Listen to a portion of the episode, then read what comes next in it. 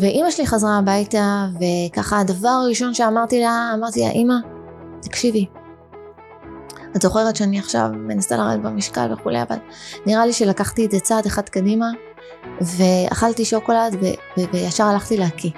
ואני יודעת שזה לא בסדר.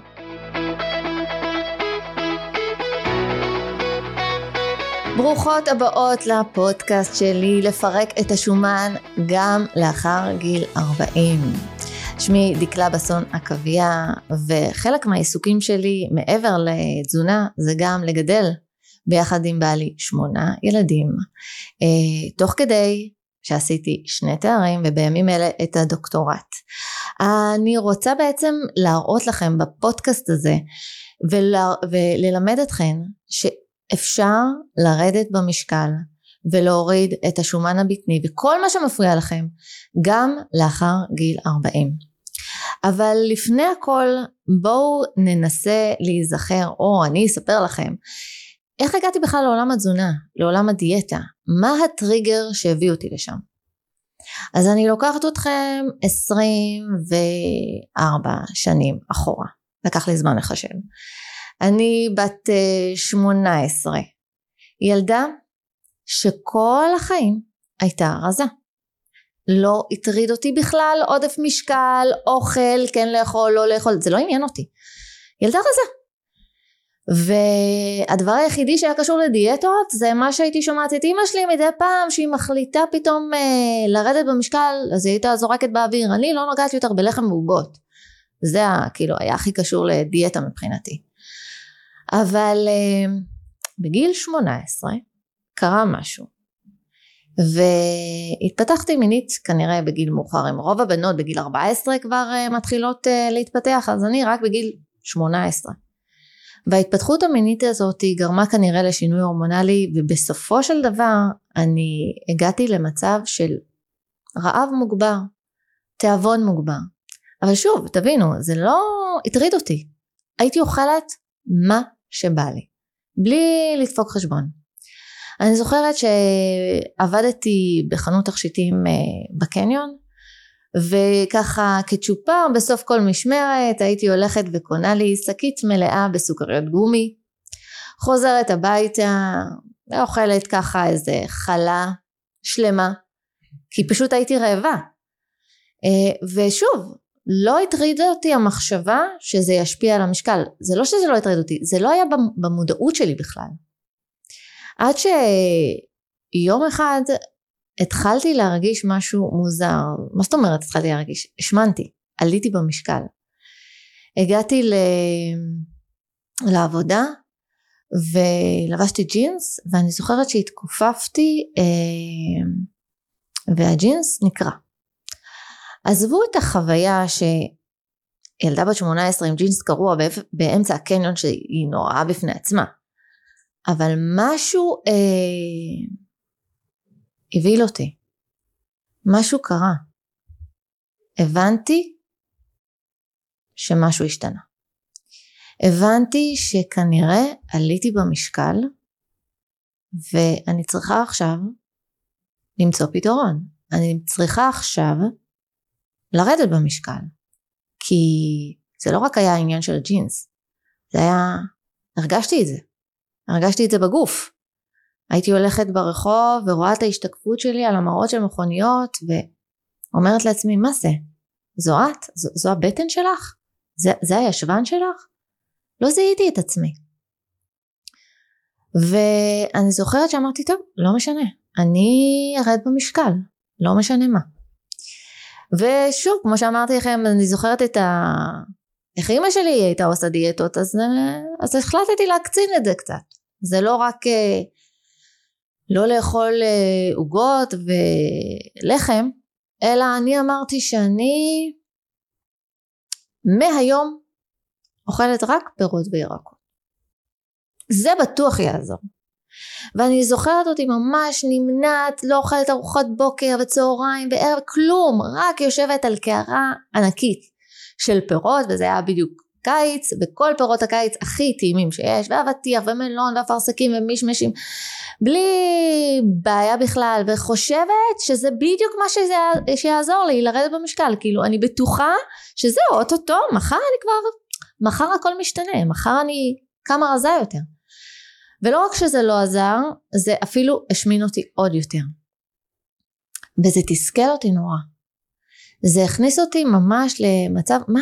יכול להיות ש, שאין מה לעשות יכול להיות ש, ש, שזהו ש, ש, ש, ככה אני צריכה להיות כל החיים.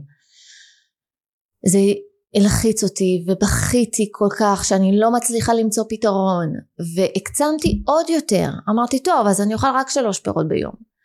עכשיו אתם אה, יכולות להבין מה קורה למישהי שאוכלת מעט מאוד אוכל במשך תקופה לא קצרה. באיזשהו שלב היא נשברת. ואני לוקחת אתכם שוב 24 שנים אחורה ביום העצמאות, אני בת 18 לבד בבית, ילדה שרק רוצה לרדת במשקל, רק רוצה לחזור להרגיש טוב עם עצמה, ואומרת לעצמי טוב אז אני אוכל אה, קובייה קטנה של שוקולד, לא יקרה כלום. פותחת את המקרר, ושם זו הייתה הנקודה שהחיים שלי השתנו. כי מאותה קוביית שוקולד זה הגיע לזלילה מטורפת של מכל הבא ליד, של שוקולדים ועוגות ועוגיות וכל מה שחסכתי מעצמי בכל התקופה הזו. ונלחצתי מאוד כי מה שעבר לי בראש זה מה עשיתי לעצמי למה מה עשיתי? הרסתי את כל הדיאטה שעשיתי עכשיו. והכל נהרס. ועכשיו אני אעלה עוד יותר במשקל. וכל כך כאילו אמרתי לא אני חייבת להוציא את זה אני חייבת להוציא את זה החוצה. ומה שעשיתי זה ללכת לשירותים וניסיתי להקיא. וניסיתי זה לא כל כך עבד. אחר כך הכנסתי גם אצבע וגם. והייתי כל כך מתוסכלת. ובפחד כי הבנתי הבנתי שעשיתי משהו שהוא לא בסדר הבנתי שזה לא בריא. ואימא שלי חזרה הביתה וככה הדבר הראשון שאמרתי לה אמרתי לה אימא תקשיבי את זוכרת שאני עכשיו מנסה לרדת במשקל וכולי אבל נראה לי שלקחתי את זה צעד אחד קדימה ואכלתי שוקולד ו- וישר הלכתי להקיא ואני יודעת שזה לא בסדר. אימא שלי ככה אישה מאוד פרקטית היא ידעה שהיא לא יכולה לתת לי לה את הכלים לעזור לי אבל היא פתחה ספר טלפונים של פעם הספר הצהוב וככה חיפשה מישהי שתעזור לי והיא מצאה דיאטנית קלינית אני זוכרת שאמרתי מה? יש מקצוע כזה? דיאטנית? יש מישהי שמלמד אותך איך לרדת במשקל או לאכול בריא? כאילו הייתי בהלם ובנוסף היא חיפשה פסיכולוגית ואמרה לי זהו קבעתי לך אה, פגישה עם שתיהן והתחלתי תהליך עם דיאטנית ופסיכולוגית. הדיאטנית אה, מאוד עזרה לי כי היא הבטיחה לי שני דברים. היא אמרה לי אם את תעשי מה שאני אגיד לך את אה, תצליחי לרדת במשקל וזה אגב הדבר היחידי שעניין אותי. לא עניין אותי שום דבר אחר, רציתי רק לרדת במשקל. אבל גם את תלמדי לשמור על זה לכל החיים. עם הפסיכולוגית הייתה לי איזו פגישה אחת שתיים אבל מהר מאוד נטשתי כי היא לא הביאה לי את הפרקטיקה שאני צריכה.